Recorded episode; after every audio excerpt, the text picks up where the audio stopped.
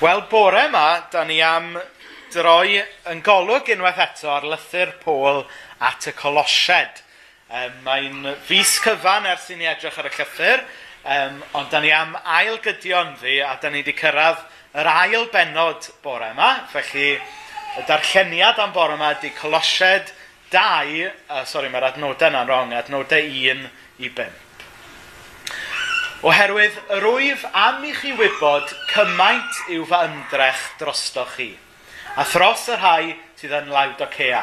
a phawb sydd heb fy ngweld wyneb yn wyneb. Fy nod yw ei calanogi a'i clymu ynghyd mewn cariad. Ydynt gael holl gyfoeth y sicrwydd a ddaw yn sgil dealltwriaeth, ac ydynt am gyffred dirgelwch Dyw sef Crist. Ynddo ef y mae holl drysorau doedd hineb a gwybodaeth yn gyddiedig. Rwyf yn dweud hyn rhag i neb eich arwain ar gyfeilion a'i hymadrodd trwy chobdres. Oherwydd, er fy mod yn absennol yn y cnawd, rwyf gyda chi yn yr ysbryd, a llawenhau wrth weld eich rhengoedd disgybledig a chadernid eich ffydd yng Nghyst. Nawr, fel i ni yn cofio erbyn hyn gobeithio, mi oedd hwn yn lythyr i grisnogion yn Colosia, sydd yn rhan o dwrci heddiw. Um, uh, twrci, da ni gyd wedi cael digon o dwrci erbyn hyn. A ni'n mynd os o'n sôn am dwrcis eto ar syl cyntaf flwyddyn, ond mi oedd Colosia yn hwrci heddiw. A mi oedd y Cresnogion yma'n Cresnogion ifanc. Hynny yw, dim ond yn ddiweddar nathon nhw ddod i adnabod a dechrau dilyn Iesu Grist. Felly mi oedd hwn yn lythyr i Grisnogion oedd yn dechrau'r daith fel petai, ac oedd yn dysgu yn raddol sut oedd gwreiddio mwy a mwy o'i bywyd nhw yn ei ffydd nhw yn Iesu Grist. A fel wnaethon ni weld tymor diwetha, wnaethon ni weld pa mor bwysig oedd e i ni gael gwreiddiau yn Iesu Grist. Um, Dwi'n yn gwybod, mae'r ma, pwy oedd â coeden adolyg iawn dros dolyg? Un ffec oedd efo ni yn anffodus. Oedd rhywun â coed nadolig iawn? Na ni, o mi oedd na rai. Ac mae coed nadolig iawn yn hyfryd, ond wrth gwrs maen nhw'n ma nhw marw yn y diwedd, yn dydyn. Pam? Achos bod nhw wedi cael eu tynnu allan o'i gwraidd, yn dyfa. A mae hwnna'n dangos pa mor bwysig ydy gwreiddiau. Mae hwnna'n wir i blanhigion, mae e'n wir i ni yn yn ffydd hefyd, bod ni'n gwreiddio yn hunain yn Iesu Grist. Um, mae Paul wedi bod yn sôn wrth y Colosiad pa mor fawr a pa mor anhygoel ydy Iesu. Um, yn y benod gyntaf yn sôn bod ie ynddo ef y creuwyd popeth. Trwyddo ef ac er mwyn ef, mae popeth wedi ei greu. Ynddo ef y mae popeth yn cydsefyll. Felly yn y benod gyntaf, oedd Paul yn sôn bod Iesu'n dal y cyfan at ei gilydd, ond nath e hefyd ddweud bod yna le i bawb yn y cynllun mawr yma. Mi oedd gan ddiw gynllun mawr trwy Iesu, ond mi oedd yn atgoffa nhw bod pawb â gwahoddiad personol i ddod i adnabod a trystio yn yr Iesu yma. Felly dyna yn fras beth sydd ym mhenod un. Nawr, ar ddechrau eleni, i ni wedi cyrraedd yr ail benod. Da ni'n mynd trwy hwn reit slo, mae rhaid ni ddweud, ond, ond mae yna lot o bethau da yn y llythyr.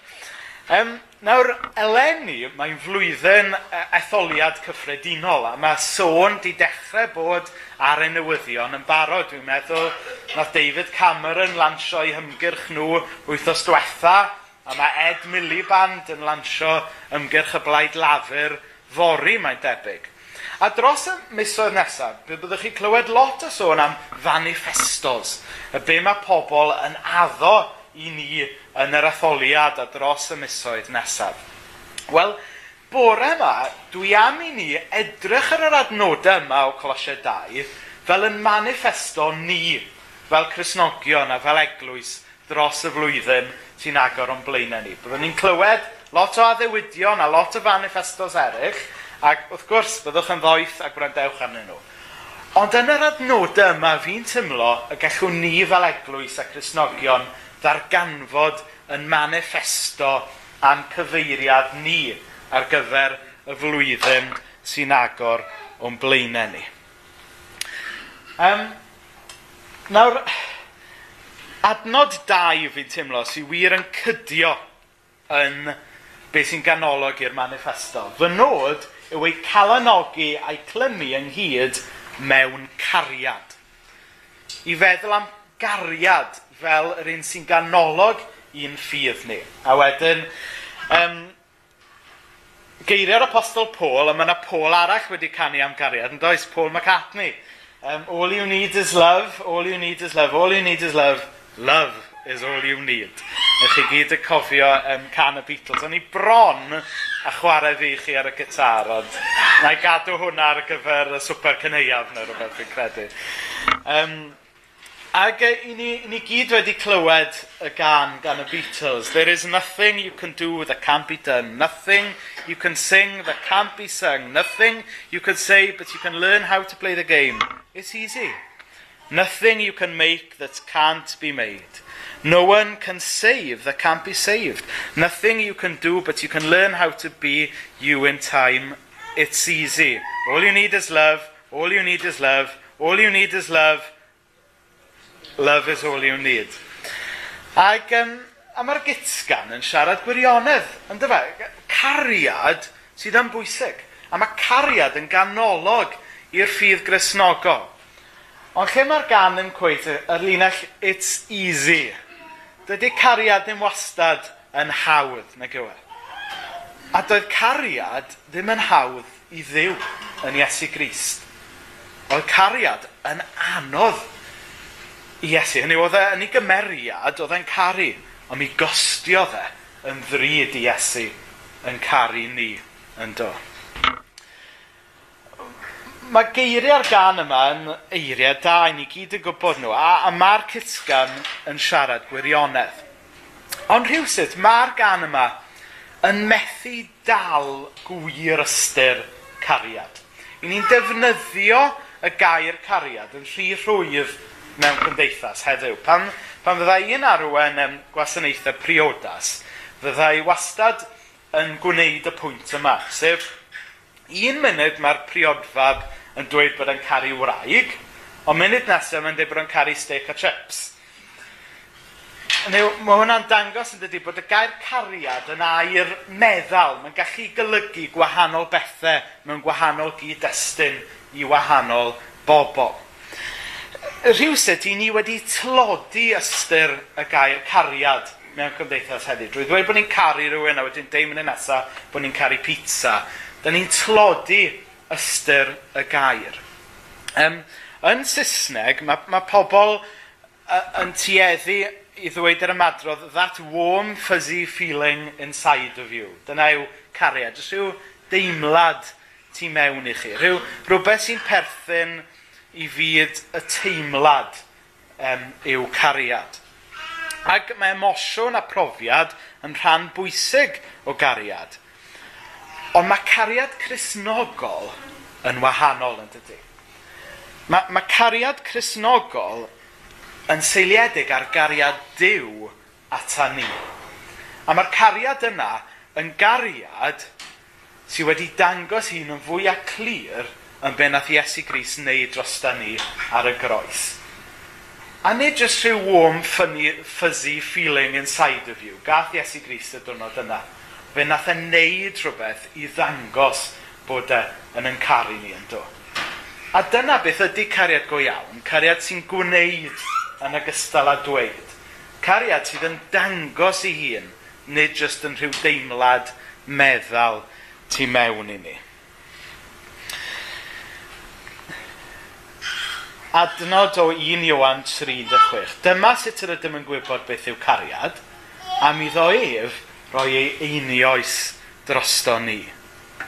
Ac yn y groes, i ni'n gweld beth yw'r diffiniad, beth yw'r dangosiad o gariad chrysnogol. Sef nid jyst bod Dyw yn dweud bod wedi caru ni, ond mae wedi gwneud rhywbeth i roi stamp i gariad arno ni. Mae wedi gwneud rhywbeth i ddangos bod e o ddifri pan oedd e'n dweud bod e yn yn caru ni. Felly, eleni, dwi am i ni gymryd cariad fel y manifesto ni am y flwyddyn. Ond nid cariad yn yr ystyr ffysi, meddal, mae'r byd yn meddwl am cariad. Ond cariad yng ngoleini, cariad real dew ata ni. Cariad sydd yn rhoi rhywbeth, nid just yn derbyn. Felly, sut allwn ni glymu yn hunain gyda cariad, fel mae Paul yn dweud? Wel, yn gyntaf, mae'n bwysig i ni gofio bod cariad chrysnogol yn ddiamod ac yn galw arno ni garu pobl yn ddiwahan. Nawr, yn naturiol, pan fyddwn ni'n caru rhywun, byddwn ni'n disgwyl i'r person yna garu ni nôl, yn byddwn. Bod e fel rhyw fath o rhywbeth dau ffordd, bod e'n rhyw fath o contract cymdeithasol fel petai. Ond mewn ffordd, nid fel yna, dyle cariad Cresnogol ffwrdd, dyle cariad, roi cariad heb ddisgwyl dim byd yn ôl. Achos dyna'r math o gariad mae Dyw wedi dangos i ni yn dyfa. Nath e farw ar y groes achos bod e'n caru ni, ond oedd e ddim wedyn, reit em, eisiau chi nawr dalu gweddill y bil.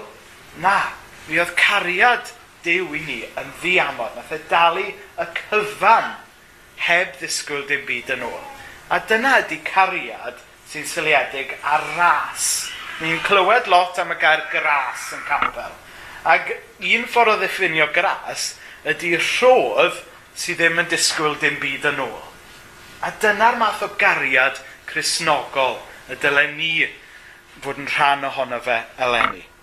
Dylen ni garu pobl heb ddisgwyl dim byd yn ôl, achos bod Iesu wedi'n caru ni, heb ddisgwyl i ni dalu amdano fe, achos bod de wedi talu am y cyfan. Mi ddylai cariad Cresnogol hefyd fod yn cariad sy'n caru pawb yn ddiwahan. Nawr, wath i ni fod yn onest, mae e'n haws caru pobl sydd yn debyg i ni, yn dydy.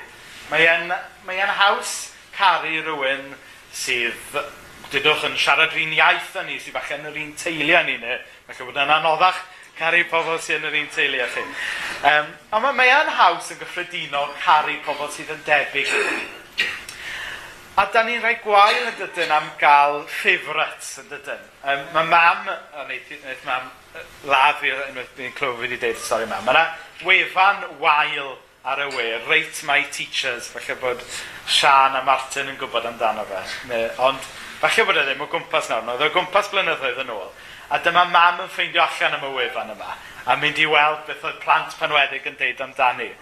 A dyma, yr unig comment gath mam oedd, she's all right, but she's got her favourites. ond, ond da ni gyd fel yna, mae ganddo ni yn favourite. A mae'n favourite ni fel arfer yn bobl fel ni. Ond mae cariad Cresnogol yn gofyn i ni gari pawb yn ddiwahan os rhywbeth, dangos mwy o gariad at bobl sydd yn wahanol i ni, sy'n siarad iaith gwahanol i ni, sy'n dod o gefndiroedd gwahanol i ni. Mi oedd Iesu fel ni yn yr ystyr bod e'n ddyn, ond mi oedd e'n hollol wahanol i ni, achos mi oedd e'n ddi bechod, a mae e'n dewis caru pobl ni sy'n eitha gwahanol iddo fe. Felly mae cariad Cresnogol yn caru pawb yn ddiwahan, nid jyst y bobl sy'n hawdd i'w caru. So dyna y math cyntaf o gariad dwi am i ni ddilyn lenni. Yn ail, mae cariad chrysnogol yn gariad ymarferol. Dyw e just, dyw e, nid just rhyw syniad fluffy yw e, mae e'n rhywbeth um, tangible. Hynny yw bod e'n rhywbeth i chi'n gallu drin, mae e'n rhywbeth i chi'n gallu i gyffwrdd. Um, A reswm pam mod i yn deud hynna, di hyn, a dwi wedi deud y stori yma o blaen, um, pan fydda i am menanc yn anghydweld weithiau, um, fydda i wastad yn atgoffa mena ar ôl i ni gael rhyw ffrau bach, dwi'n dygaru di, a mae'n dweud, wel dangos hynny felly. a mae ma gwir gariad yn gariad sydd yn, sydd yn dangos i hun, yn dydy? Mae'n beth hawdd deud bod ni'n caru rhywun, ond y prawf ydy, a dyn ni'n byw hynny, a dyn ni'n dangos hynny. A mae cariad chrysnogol fod yn gariad sydd yn dangos i hi. Hawdd i ni ddeud bod ni'n caru pobl, ond ydyn ni yn byw hynna, ydyn ni'n dangos hynna. A reswm pan mod i'n deud hyn unwaith eto yw yng ngoleini cariad Iesu ata ni. Mi oedd Iesu wedi gwneud ar y groes, nid just dweud. Mi oedd e'n dweud bod e'n caru ni, oedd e'n addo bod e'n caru ni, ond oedd e wedi gwneud rhywbeth oedd yn dangos bod e o ddifri ynglyn â'i gariad e ato ni. Felly yng ngoleini hynna, eleni, yng ngweddi yw bod yn cariad ni at yn gilydd ac at bawb o'n cwmpas ni. Yn gariad sydd yn dangos ei hun mewn ffordd tangible, mewn ffordd ymarferol, nid jyst mewn rhyw ffordd fluffy ffwrdd â hi bod ni'n caru pobl. Um, yn drydydd, dylai cariad Cresnogol roi amser i bethau a phobl. Nawr, dwi'n meddwl bod un o'r rhesymau pam bod cymdeithas heddiw a hefyd Cresnogion a'r eglwys yn bryn o gariad yw bod ni rhy brysur i garu pobl a buddsoddi amser mewn pobl. Achos mae caru pobl um, mewn ffordd ymarferol, mae'n cymryd ymdrech, a mae'n cymryd amser, mae'n cymryd adnoddau, a mae'n cymryd amynedd yn dydy. A tybed, ydy ni yn byw bywydau rhy brysur yn rhithro un peth i'r llall i ddangos cariad. Fe ath Iesu allan o'i ffordd yn dod i ddangos bod e'n yn caru ni. I ddechrau, ddoth e lawr o nefoedd mewn i'r byd yma. Mi oedd hwnna'n dipyn o ditwr i ddew yn doedd. Mi, mi ath e i'r groes i ddangos bod e'n caru ni eto. Rhywbeth ath e allan o'i ffordd. Ath e gymryd amser i ddangos bod e'n caru ni. Tybed eleni os angen i ni ffeindio mwy amser i ddangos cariad um, i sôn wrth Iesu am bobl o'n cwmpas ni. Buddsoddi amser mewn pobl. Um, Chyfo, be mae hwnna'n golygu yn ymarferol, mae e'n wahanol i bawb. Falle i rai ohono ni bod e'n golygu gwneud llai o bethau, ond gwneud y pethau yna gyda mwy o gariad. Falle bod e'n golygu, um, ddim yn siŵr, chyfo, gweithio chi fy mas, ond i ni arafu lawr, er mwyn cael amser i ddangos mwy o gariad, fel nath Iesu ddangos cariad ata ni. A'r pwynt ola, mae angen i gariad chrysnogol wrth i natur fod yn hunan aberthol. Rhoddodd Iesu i fywyd er mwyn i bawb arall gael byw. Felly wrth natur mae cariad chrysnogol fod yn gariad hunan aberthol. Dwi'n meddwl mai un o wendidau um, y gorllewin a'r eglwys yn y gorllewin, hynny yw ni, yw bod ni ddim gwir yn amgyffred beth yw cariad hunan aberthol. I ni'n gyfforddus iawn yn byd y dydyn. Ond mae angen i gariad chrysnogol aberthu er mwyn dod â bendith i bobl eraill. Chos dyna'r math o gariad oedd Iesu yn ei weinyddu. Falle bod e i ni yn y byd gorllewinol yma, falle bod e'n golygu dewis byw mewn rhywle llai dymunol er mwyn dod â halen o goleini i'r lle yna. Felly mae dyna yw cariad hunan aberthol. Falle bod e'n golygu ildio rhywfaint o'n amser hamdden er mwyn bendithio eraill. Felly bod e'n golygu gwylio llai o ffilms eleni, gwylio llai o Danish crime dramas eleni, a dwi'n mynd edrych ar neb heblaw amdano fi fy hun. Hynny yw, to, falle bod, bod angen i ni wneud newidiadau yn lifestyle er mwyn cael fwy amser i fendithio eraill a dangos cariad Crist i eraill. Falle bod angen i ni dderbyn safon bywyd ychydig bach yn is er mwyn gallu rhoi yn fwy hael i elusennau ac i waith Iesu Grist falle bod angen i ni eleni ddarganfod sut allwn ni fyw bywyd aberthol fel oedd Iesu yn byw bywyd aberthol er mwyn dod a bendith i bobl eraill. Os ydy ni am fod yn bobl sydd yn caru yn gilydd a caru pobl eraill eleni yng ngoleini cariad Iesu, mae eisiau ni weld bod hwnnw'n gariad hunan aberthol, os dyna oedd cariad Dyw ata ni. Na mae Paul yn mynd mlaen i annog y colosied i ddeall a dysgu mwy am Iesu. Ym holl gyfoeth y sicrwydd y ddaw yn sgil dealltwriaeth, ac ydynt am gyffred dirgelwch Dyw sef Crist. Yn ddoef y mae holl drysorau doeth hineb a gwybodaeth yn guddiedig.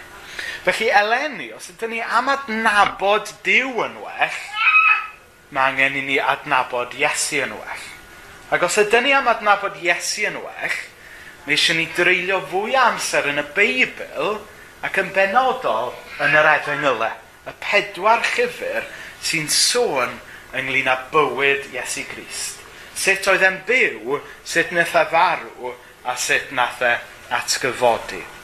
Eleni, os ydyn ni am fod yn debycach i Iesu a dod â bendith i'r bobl o'n cwmpas ni, wel gadewch i ni edrych a myfyrio ar yr efengylau a bywyd Iesu Grist.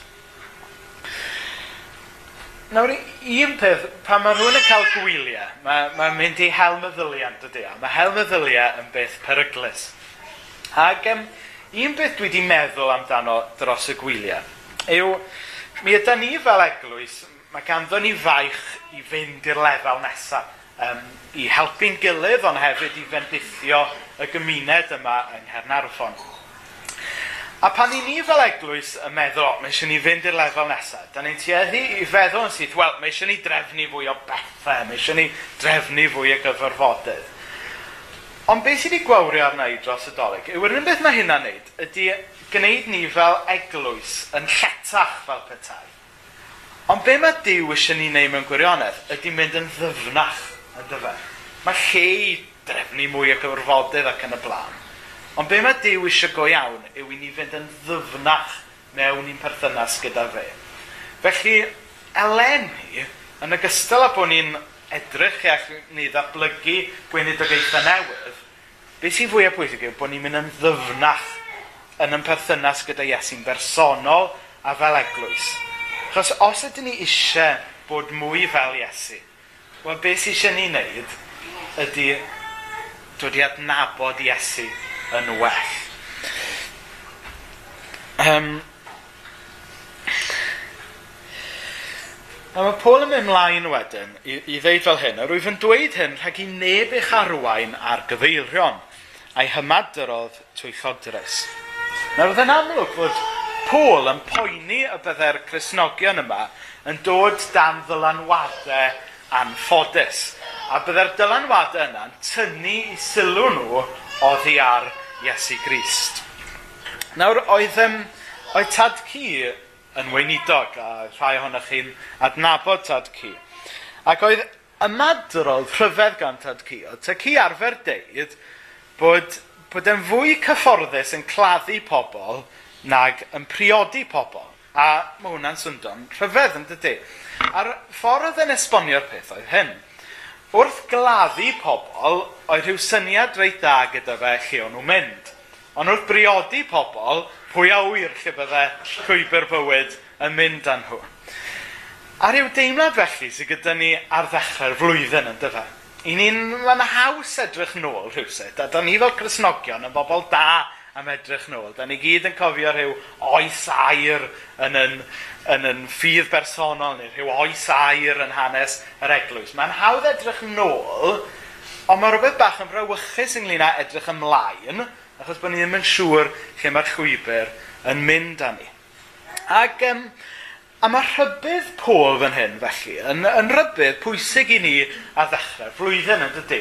Sef i ni wneud yn siŵr eleni bod ni'n glynu a cadw'n llygad ar Iesu, a ddim yn gadael i bobl, ddim yn gadael i sefyllfaoedd, dyn ni'n sylw ni o ddi ar Iesu.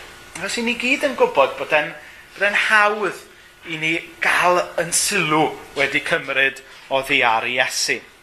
Gallwn ni gael person, hynny yw, yn llythrenol, yn aelod o'r teulu hyd yn oed, yn tynnu'n coes ni ynglyn â'n ffydd ni neu rhywbeth, a, a tynnu'n sylw ni o ddiar Iesu. Galle fod yn brofiad anodd, um, y profiad o fynd trwy salwch o bosib. Falle gall hwnna ysglwyd eich ffydd chi a cymryd eich sylw chi o ddiar Iesu. Falle gallai fod yn benderfyniad o ran eich gyrfa chi, bod chi yn trio penderfynu ydych chi am fynd lawr y trywydd yna, wel holwch, a fydd mynd lawr y trywydd yna, um, dodych chi nes at Iesu neu wneud yn anoddach i chi ddilyn Iesu. Ar ddechrau'r flwyddyn, mae eisiau ni fod yn awyr yn does o'r dylanwadau gwahanol sydd arno ni a gwneud siŵr bod ni'n neud y penderfyniadau fydd yn mynd â ni nes at Iesu, nid yn bellach oddi wrth Iesu eleni. Nawr mae'r darn o'r gair sydd gyda ni i orffen bore yma cyn troi at y cymen yn dod fel hyn. Oherwydd er fy mod yn absennol yn y cnawd, um, yr wyf gyda chwi yn yr ysbryd, yn llawenhau wrth weld eich rhengoedd disgybledig a chadernid eich ffydd yng Nghyst. Nawr oedd yn amlwg bod yna ddau beth oedd Paul yn very impressed gyda'r colosiad. Mi oedd eu rhengoedd nhw yn ddisgybledig, um, ac mi oedden nhw'n gadarn i ffydd yn Iesu Grist. Nawr, y rhengoedd disgybledig yma. Nawr, beth oedd hwn yn golygu mae'n debyg, oedd bod nhw ddim jyst y bobl oedd yn deud bod nhw'n dilyn Iesu, ond mi oedden nhw'n byw allan i ffydd. Fel unigolion a hefyd fel eglwys. Oedd ddim yn golygu bod nhw'n sefyll mewn lein fel regiment, fel mae'r adnodd falle'n darllen ar yr olwg gyntaf, er da chi'n edrych yn daclus iawn fan hyn bore yma, chwarae teg. Ond beth oedd yn golygu wrth bod nhw'n rengoedd disgybledig, oedd bod nhw'n byw allan i ffydd. Felly mae hwnna yn her i ni eleni, yn dweud, yw bod ni yn rengoedd disgybledig.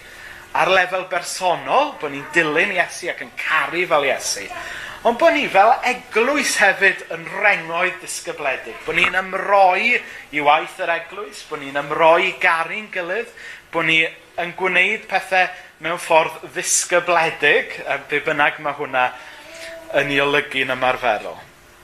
Ond yn fwyaf pwysig, yr anogaeth yma, oedd y colosiad yn gadarn i ffydd yn Iesu. Ond na chi ffordd dda o ddechrau'r flwyddyn yn dyfa. Yng Ngweddi yw yn bod ni yn gallu cychwyn y flwyddyn yma drwy ddweud bod ni'n gadarn yn ffydd yn Iesu a byddwn ni'n gweddio cewn ni help yr ysbryd glân i lynu a cerdded yn gryf gyda Iesu. A bod ni'n caru pobl achos bod Iesu'n gyntaf wedi yn caru ni.